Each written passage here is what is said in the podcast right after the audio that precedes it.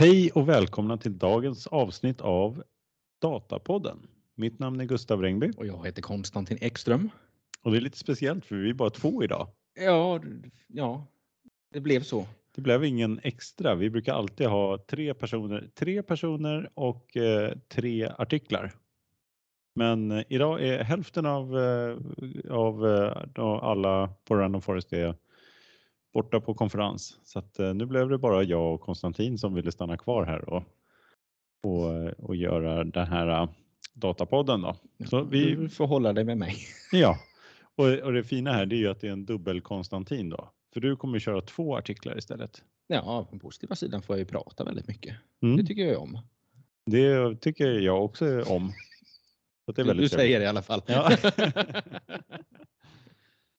Eh, ja, men vi har ett fullspäckat schema precis som vanligt. Och eh, det viktiga här det är ju artiklarna. Så det är ju bra. Och vi, har, vi var fyra förra veckan med ölprovning. Så att, eh, det tar ut varandra. På average, liksom genomsnittet, så ligger vi fortfarande på tre personer här. Ja, kanske till och med att det är bra att vi blev två idag då. Bara för att hålla oss till medlet eller tre till, i medel. ja. Men eh, vill du börja med din första artikel? Ja, jag får, ska få äran att både börja och avsluta idag. Det tycker jag är trevligt. Mycket trevligt. Men hur som helst ska jag börja prata lite grann om ServiceNow. För att eh, ServiceNow och Snowflake i samma mening tycker jag har förekommit under en ganska lång tid. Eh, egentligen är två typer av innebörder. En är att de har haft en connector igång, eh, på gång väldigt länge som varit i preview, i private previewn här under ungefär ett års tid. Som är de connector så att man ska kunna hämta data från ServiceNow och så in i Snowflake då där man kan analysera det. Sen har vi den andra innebörden också. Det är ju att Frank Slutman, alltså vdn på, Run, på Random Forest, på, på, ehm, på Snowflake, eh, tidigare var vd på ServiceNow. Och jag har faktiskt vid något tillfälle hört någon säga att Frank var ju vd på ServiceNow, så därför, därför kommer det nu en connector till ServiceNow. Så att jag, jag tycker det är lite kul om, om att ett vd-byte innebär att en connector till produkter från en tidigare arbetsplats skapas. I så fall skulle jag nog gärna vilja se Christian Klein som idag är vd på SAP eh, som Frank Slotmans efterträdare. Det tycker jag var väldigt trevligt. Men nåväl, nyheten är ju att ServiceNow-connectorn är i public preview. Och för lyckligt ovetande lyssnare så är ServiceNow ett incidenthanteringssystem eller ett ärendehanteringssystem eh, som säljs som en SaaS, SaaS-tjänst. Och ringer man in till exempelvis en kundsupport och får tillbaka ett ärendenummer via e-mail så är det sannolikt eh, ett ärende som skapats i just ServiceNow. Connectorn den hittar man då under Snowflake Marketplace. Man väljer sedan vilka tabeller man vill synka och därefter är det voila! så har man en delad databas på sitt konto med direktaccess. Det finns också en inställning här hur ofta man vill att datan ska synkas, men vi återkommer till det.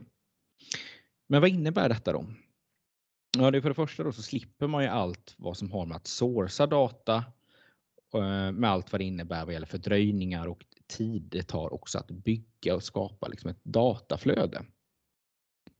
Eh, jag har faktiskt själv arbetat lite med att sourca data från ServiceNow. Eh, det var i och för sig ett tag sedan, men, men jag vill minnas att möjligheterna då, de var inte alltför vackra. Eh, det var något webb-API med någon begränsning på max antal rader som inte var så jättehögt. Man fick som hämta många gånger och loopa igenom och sådär. Ehm, och det fanns inte särdeles många alternativ heller riktigt. Eh, Så att det det är en ganska välkommen funktionalitet att göra det väldigt enklare att läsa in datat och sen ehm, analysera dem. Och när man sätter upp synken då så kan man välja olika uppdateringsintervall från en gång om dagen till 30 minuters intervall. Och inom BIA, vi har talat lite grann om det här tidigare, men inom BIA så merparten av alla eh, av all dataladdning, det räcker att ha en batchladdning en gång om dagen. Ehm, men När vi snackar realtidsdata så var det viktigt att tänka igenom vad ger det för nytta att ha mer frekventa uppdateringar? Men jag tänkte lite som så att alltså ServiceNow är ju ett incidenthanteringssystem. Så jag skulle kunna säga att det faktiskt kan ge visst värde att ha oftare uppdateringar. Ehm, jag tänkte på det som ett exempel då att, att chefer då eh, skulle kunna ha rapporter över till exempel mängden akuta ärenden. Och det skulle kunna vara så att om hell breaks loose som man säger precis efter lunch eh, så är det bra att chefen får den återkopplingen. Eh, jag tänkte att man kan utgå från att medarbetarna ändå pratar med varandra så att det är inte så att det är eh, de, de är helt ovetandes om vad som händer. Men chefen har kunnat snabbare få en överblick över vad är det för ärenden? Alltså man kan aggregera och se vilken typ av ärenden eh, och så där så att inte medarbetaren behöver liksom sitta ner och briefa chefen utan eh, för de, de borde ha fullt upp med att ta hand om ärendena och ha, ha återkoppling till kunderna då. Eh, helt enkelt. Eh, men jag tänkte bara för att återgå lite grann till vd-bytet och konnektorer så hittade jag ett litet eh, kul samband. Jag vet inte, jag känner mig lite konspirations, konspirationsteoretisk idag, men i oktober 2019 tillträdde Bill McDermott som vd på ServiceNow och han kom från vd-posten på SAP. I mars 2021 släpptes ServiceNow Adapter för SAP Integration Suite på SAP. Är det samma band? Är det ett samband? Jag vet inte. Det verkar vara ett, liksom ett krångligt sätt att behöva få till en sån eh, koppling, men man förstår ju att det ligger väl nära om hjärtat då om man har varit där och har lite koll hos en tidigare eh, arbetsgivare så att ja, säga. Men behöver det gå så långt upp som vd-posten för att få till det där? Ja, det, det blir väl eh, bäst så antar jag. Ja. Men det blir ju väldigt få konnektorer om året. Man kan ju inte byta vd liksom hela tiden. Nej, det kan man ju inte göra. Så att eh, ja, det var ju kul att eh, Snowflake fick den där ServiceNow connectorn. Då. Ja, men den, den... Det är ingen annan som kommer få den kan man väl Ja, nej. inte än på ett tag i alla fall. men, eh, ja, men jag tycker det är en välkommen nyhet eh, som gör det mycket enklare Mm. för väldigt många. Kolla här, vad, hur stora är ServiceNow? Det är ju verkligen en sånt eh, system. Mm. har- man får säga i våran värld så jobbar man inte med ServiceNow, men jag tycker att man hör om det ofta. Mm. Man ser att den, många använder den. Och jag kollar det här bara omsättningen på dem. Det är alltså eh, 7 000 miljarder eh, USD. Tusen miljarder så en biljon. Ja, Eh, 7 miljarder antar jag att det ska vi vara då. ja, just det. Mm. Eh, sju- 7 000, nej. 7 miljarder Sju miljarder. Ja. eh, USD. Mm. Så det blir ju Ja. liksom, eh, men det är ju ganska mycket. Ja, men det är ett stort bolag. Precis. Och, och jag förstod det som Frank Slutman, han var där, han, han var ju verkligen som en magiker i Mm. det sammanhanget och hitta nya use case och sådär för att ta det bolaget vidare. Mm. Och då, då blir det ju, det betyder ju också att det finns ganska många eh, kunder också Mm. som sitter med den här lösningen Mm. får man väl säga. Eh, och, så att det är ju lite spännande. Mm. Det är ganska många som har skäl och om nu det här är en viktig data att analysera Mm. så blir väl Snowflake kanske glider upp ett par platser. Mm. Ja, man För kan ju göra ganska mycket alltså ärendehanteringssystem. Alltså det är ganska mycket text i sånt där. Det är inte alltid, man har ju lite kategorier och lite sånt där. Mm. Eh, Men man kan nog göra ganska mycket avancerade saker med textanalys tänker jag på vad, vad skriver folk? Vad är det för problem? Vad upplever de för någonting? Mm. Eh, Och det kan ju vara ganska betydande för verksamheten att kunna följa upp vad, vilka problem har kunderna hur kan man vara proaktiv för att det inte Ja. ska hända igen. Jag såg här, de, eh, 2016 var de på 1,4 miljarder dollar. Mm. De har alltså vuxit eh, på, vad, vad blir det då? 2016 till sex år Mm.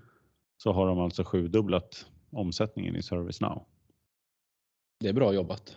Det är verkligen bra jobbat. Eh, ja, men, vad tror du, eh, hur ofta tror du man liksom kommer, om man nu kör ServiceNow, hur, hur mycket kommer det här påverka att man väljer Snowflake? Jag, jag vet inte riktigt vad som finns för andra alternativ vid sidan av just Snowflake. Mm. Det kan ju finnas andra.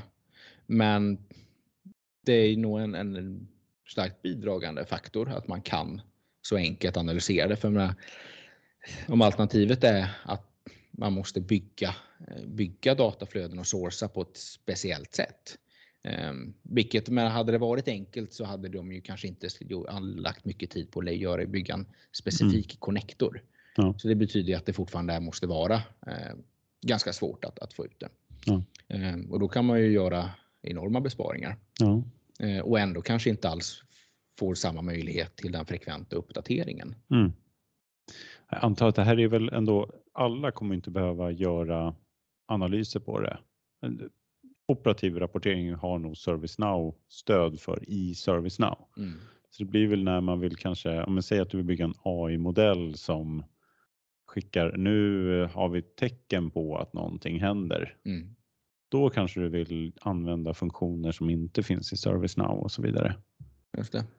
Eh, så det är väl, eller om man ska dra, vi pratade ju om realtidsdata här tidigare. Mm. Det kanske är att man vill dra in en annan datakälla och, och komplettera ServiceNow-datat också, mm. I, även i realtidsdatat. Ja, precis. Eh, kanske andra datakällor som man kan se hur påverkar den här driftproblemet eller något liknande. Mm. Ja, spännande. Ska vi gå vidare? Ja. Då har jag en artikel från eh, Fortune.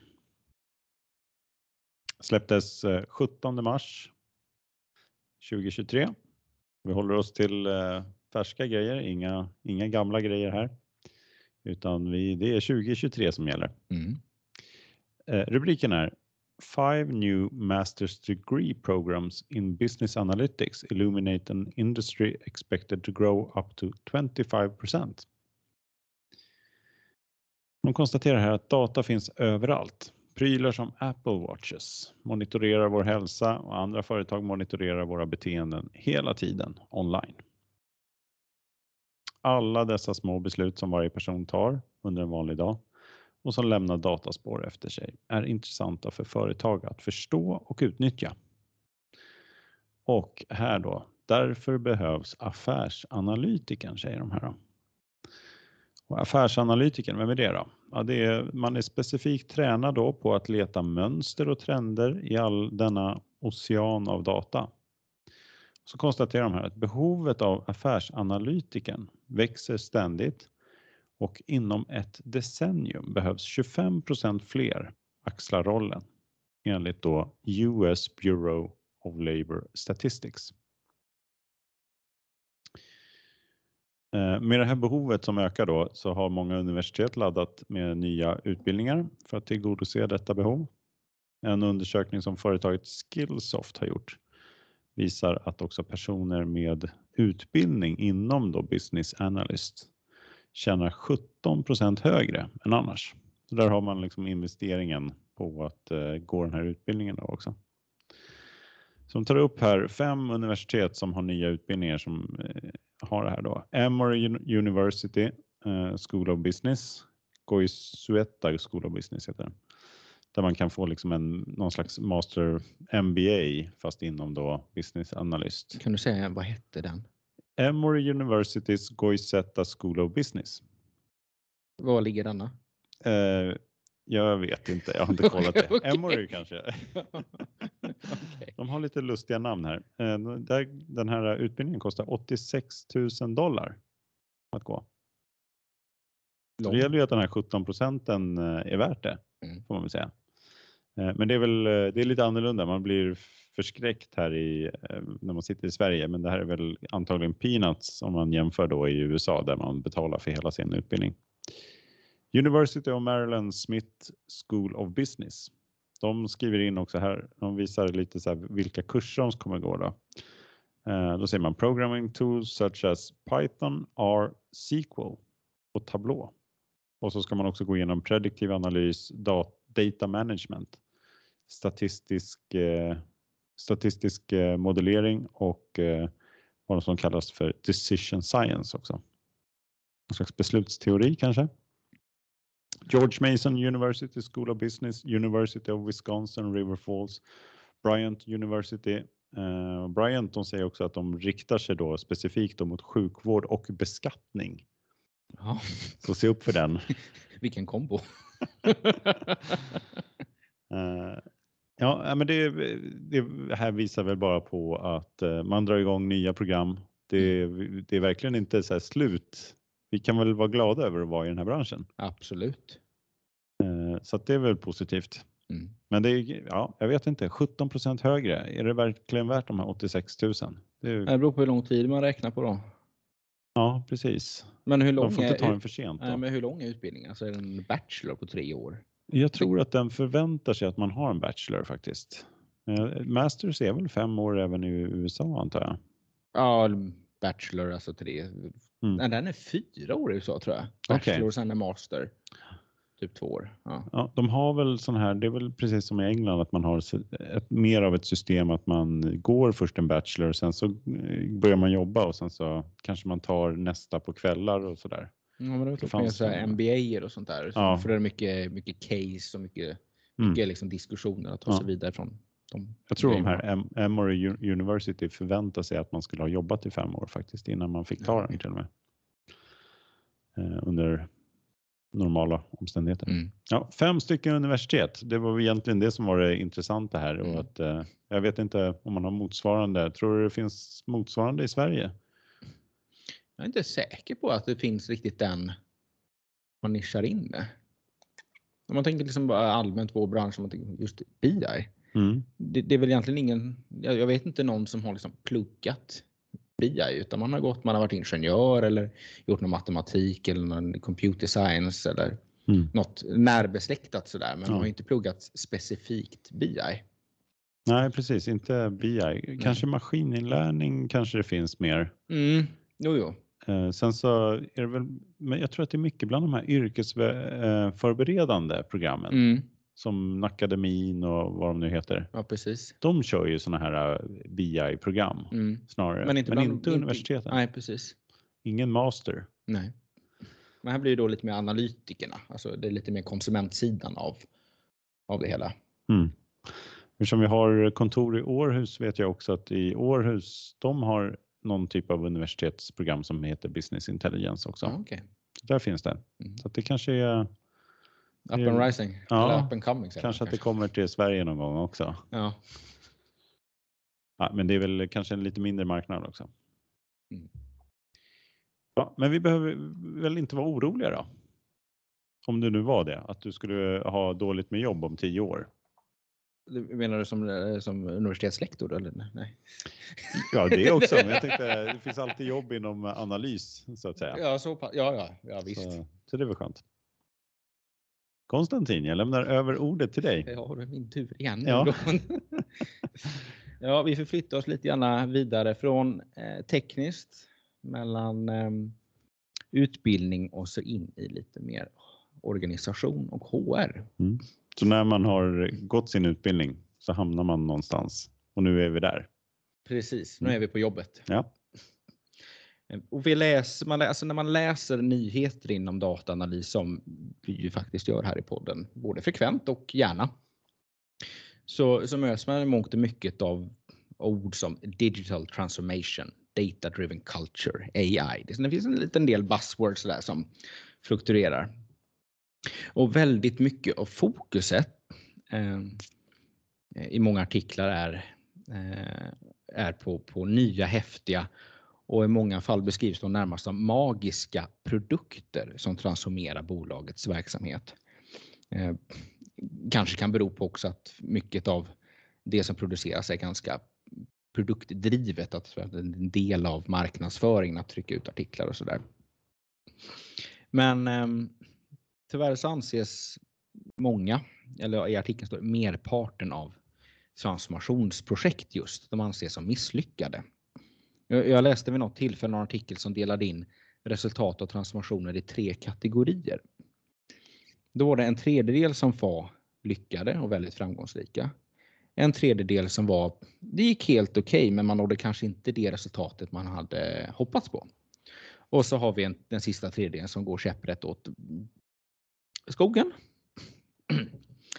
Ehm, men då, då hittade ju du Gustav en artikel här eh, som jag nu har läst. Mm. Där man pekar på att den magiska ingrediensen, en liten trumvirvel, det är att man eh, har ett fokus på människor också under transformationen. Att det inte är teknik och liksom processfokus bara, utan att man också tänker på människorna som en del av processen och använder tekniken. Och själva artikeln här den handlade om Gulf Bank i Kuwait och de lärdomar som de dragit under sin resa. Och Gulf Bank var ganska hårt ansatt eh, under finanskrisen 2008 men lyckades resa sig med hjälp av centralbankens hjälp. Och under denna omstrukturering så då blev digitaliseringen och tekniken i allmänhet ganska eftersatt. Eh, men så fram till ja, någonstans i februari 2021 kunde man ändå utläsa någon form av skifte i det hela. Ehm, då, då man valt att inte se transformation som en lyx utan som en faktiskt ganska basal nödvändighet. Och ett vanligt första steg när man vill göra det här är att man anställer en Chief Data Officer, vilket då de gjorde i februari 2021 när de anställde Mai Alouaish. Ja, någon får rätta med uttalet om jag har fel där. Och uppdraget såg ut som i de flesta uppdragsbeskrivningar eh, för denna typ av roll. Migrera legacy-system, digitalisera i största allmänhet och börja utnyttja avancerad analys och därtill då skapa en mer datadriven organisation. Utökade möjligheter i analys är ganska svårt utan förbättrad datakvalitet.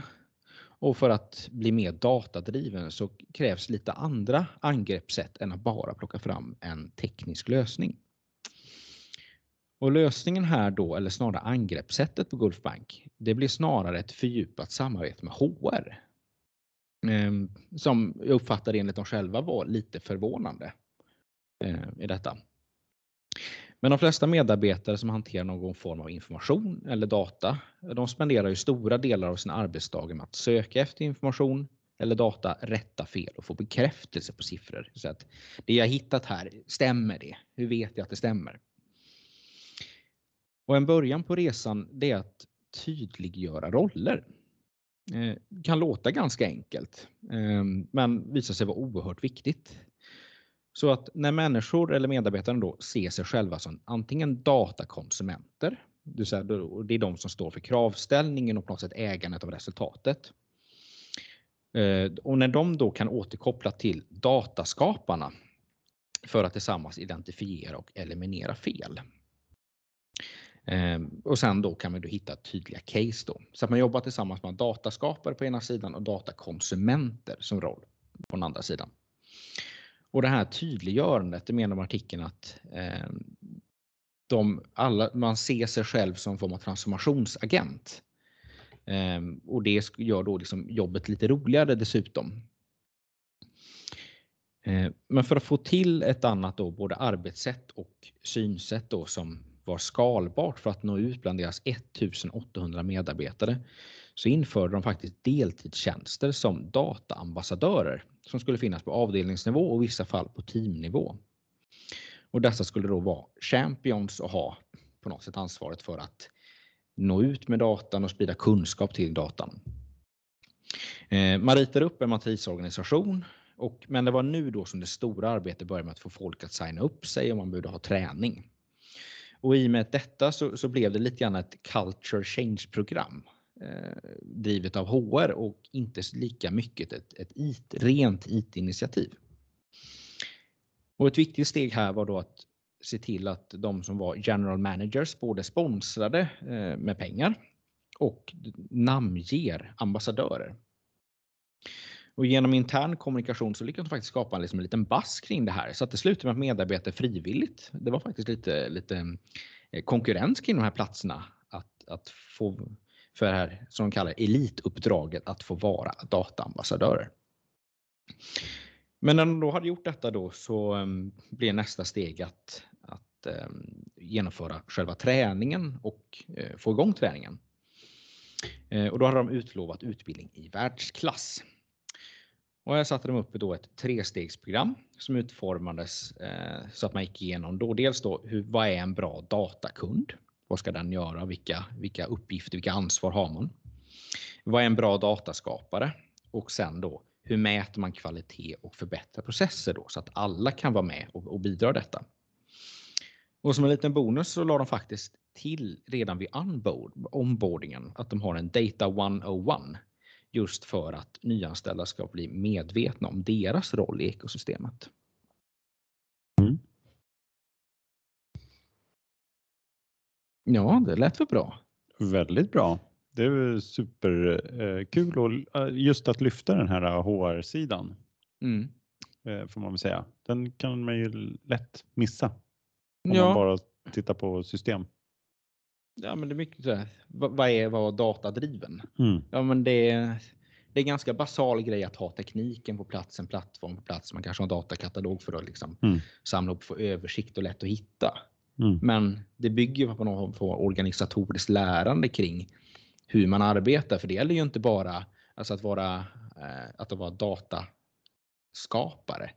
Det gäller ju alla, även de som matar in grejer i eh, ja, men ERP-systemen eller liksom på något sätt bidrar till att data skapas. Mm.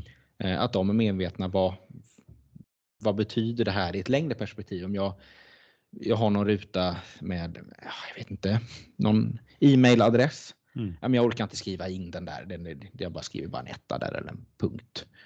Eh, och bara få, alltså vet man inte att det har någon betydelse. Ja, men då, då, då finns det ingen anledning egentligen att, att bry sig om. Då tar man den lätta vägen. Ja. Eh, Men förstår man liksom det större värdet i att eh, faktiskt fylla i det där värdet eller den typen av värden. eh, så- bidrar ju det till att man faktiskt hjälper till för då, då ser man sig själv som en del av ett större sammanhang. Ja, det är ju eh, tufft att se här hur de eh, liksom fick till det på ett väldigt bra sätt. Och det känns nästan som man kanske inte brukar HR vara så här inne i liksom en sån här fråga. Det, Jag tror inte det utan det är känns liksom väldigt, eh, det känns mer sådär, ja men det känns mer sådär att de kommer in och man ska göra en omorganisation. mm. Men det handlar inte riktigt om, orga- om Eller löneadministration. Ja, eller sånt typ där. så här, men då plockar man in facket dessutom också. Ja, Ja. ja, men här känns mer som ett projekt, alltså ett joint venture. ja, Som verkligen. att göra ett projekt. Mm. Ja, vad är det? De säger här att så här, ja, men det var när hon, hon hade ändå pratat med HR och, och kom och visade liksom så här tänker jag mig att ja, men det ska sitta data ambassadors liksom i cross- cross-functional Mm. i alla delar i, i organisationen. Mm. Det var då HR liksom, ja men det här är någonting för oss. Det här måste vi hjälpa till med, förstår jag.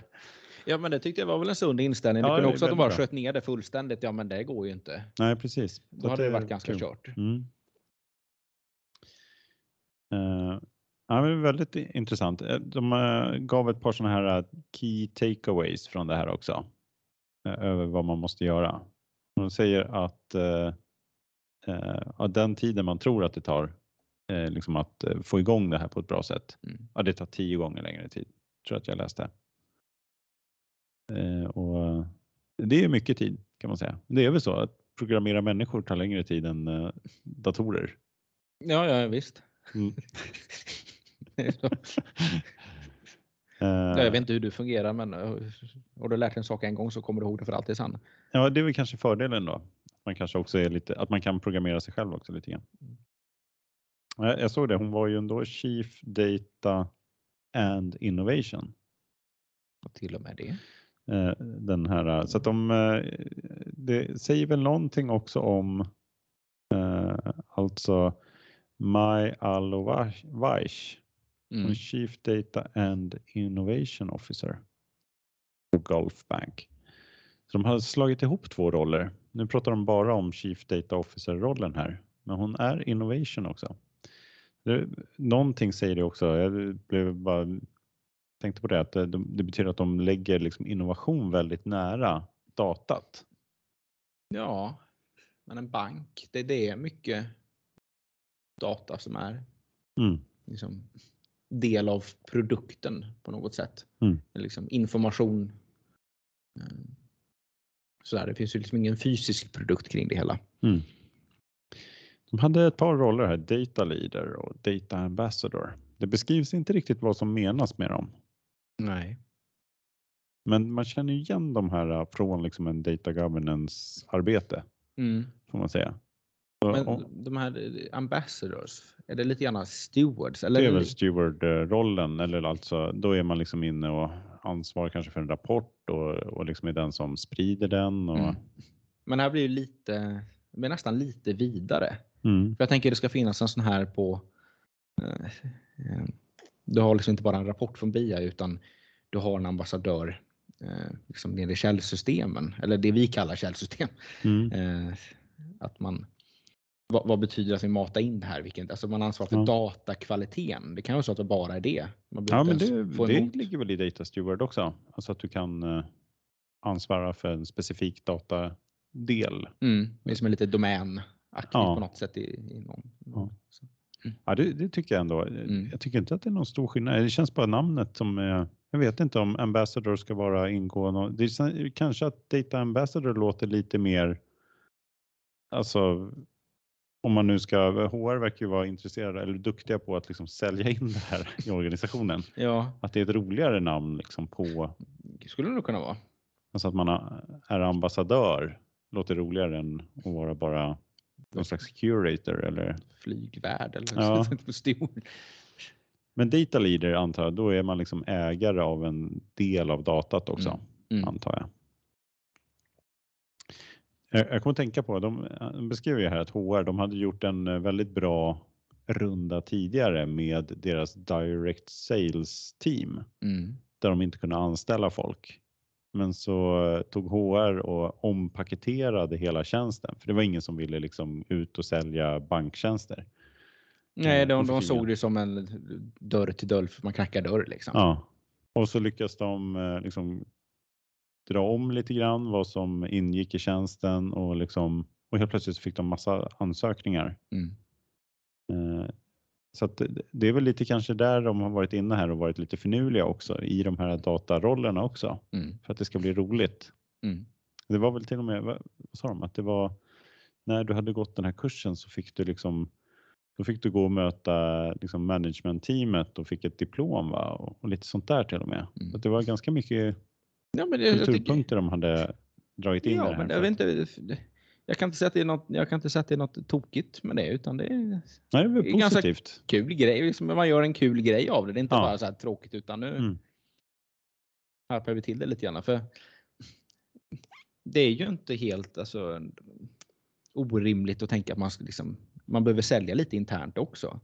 Och det gäller ju från en vanlig, helt vanlig dataanalyticsavdelning också. Att man kan spela in lite videos, kolla på den här analysen, här är lite nytt. Mm. Att man på något sätt visar på vilka möjligheter finns och inte bara ja, jag behöver en rapport, nu går jag till dem och frågar om jag kan få Mm. den. Utan ja, men här finns en sandlåda, vi har liksom en liten kub, men du kan, Ja.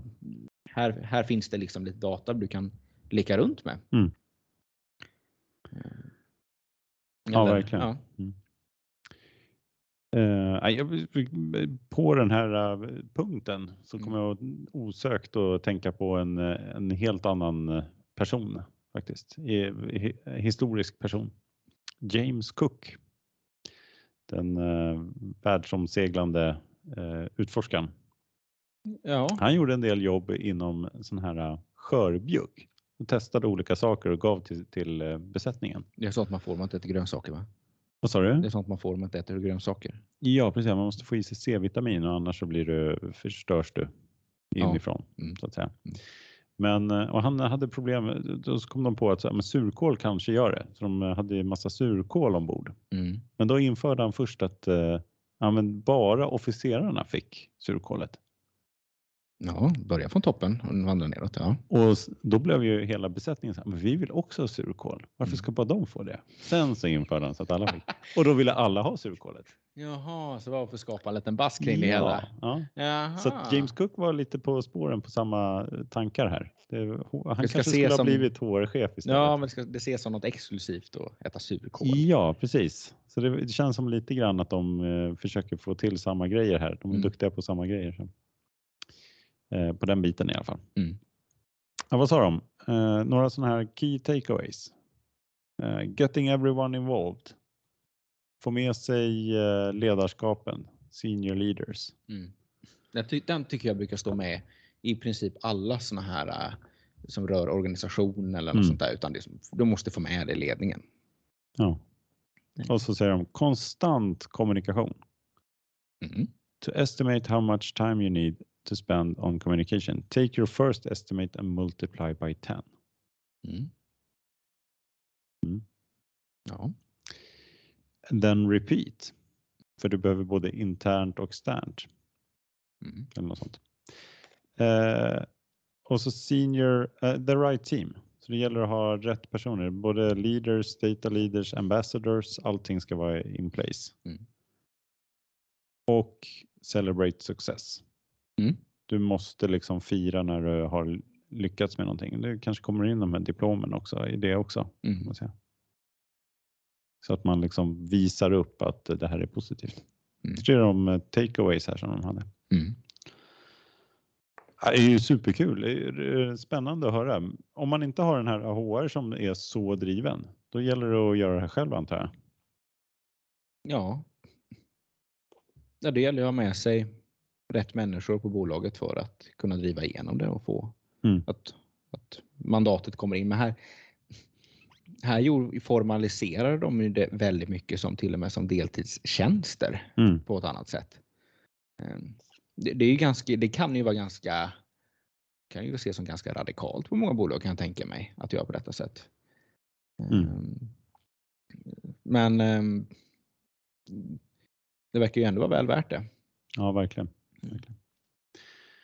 Ja, det var tredje artikeln. Ja, Du, jag har en fjärde här.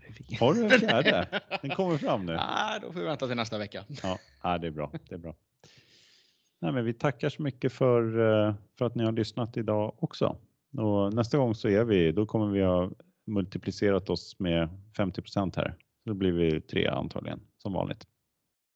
Det hoppas vi på. Om ni eh, in, tyckte det var lite jobbigt nu när vi bara var två. Och Tack lyssna så. på mig. Precis. Alldeles för mycket. Precis, alldeles för mycket Gustav och Konstantin. Det kan vi förstå själva att det, att det blir jobbigt efter ett tag. Tack så mycket. Tack så mycket. Hej då. Hej då. Vakna klockan fem, det är mörkt nu igen Som om idag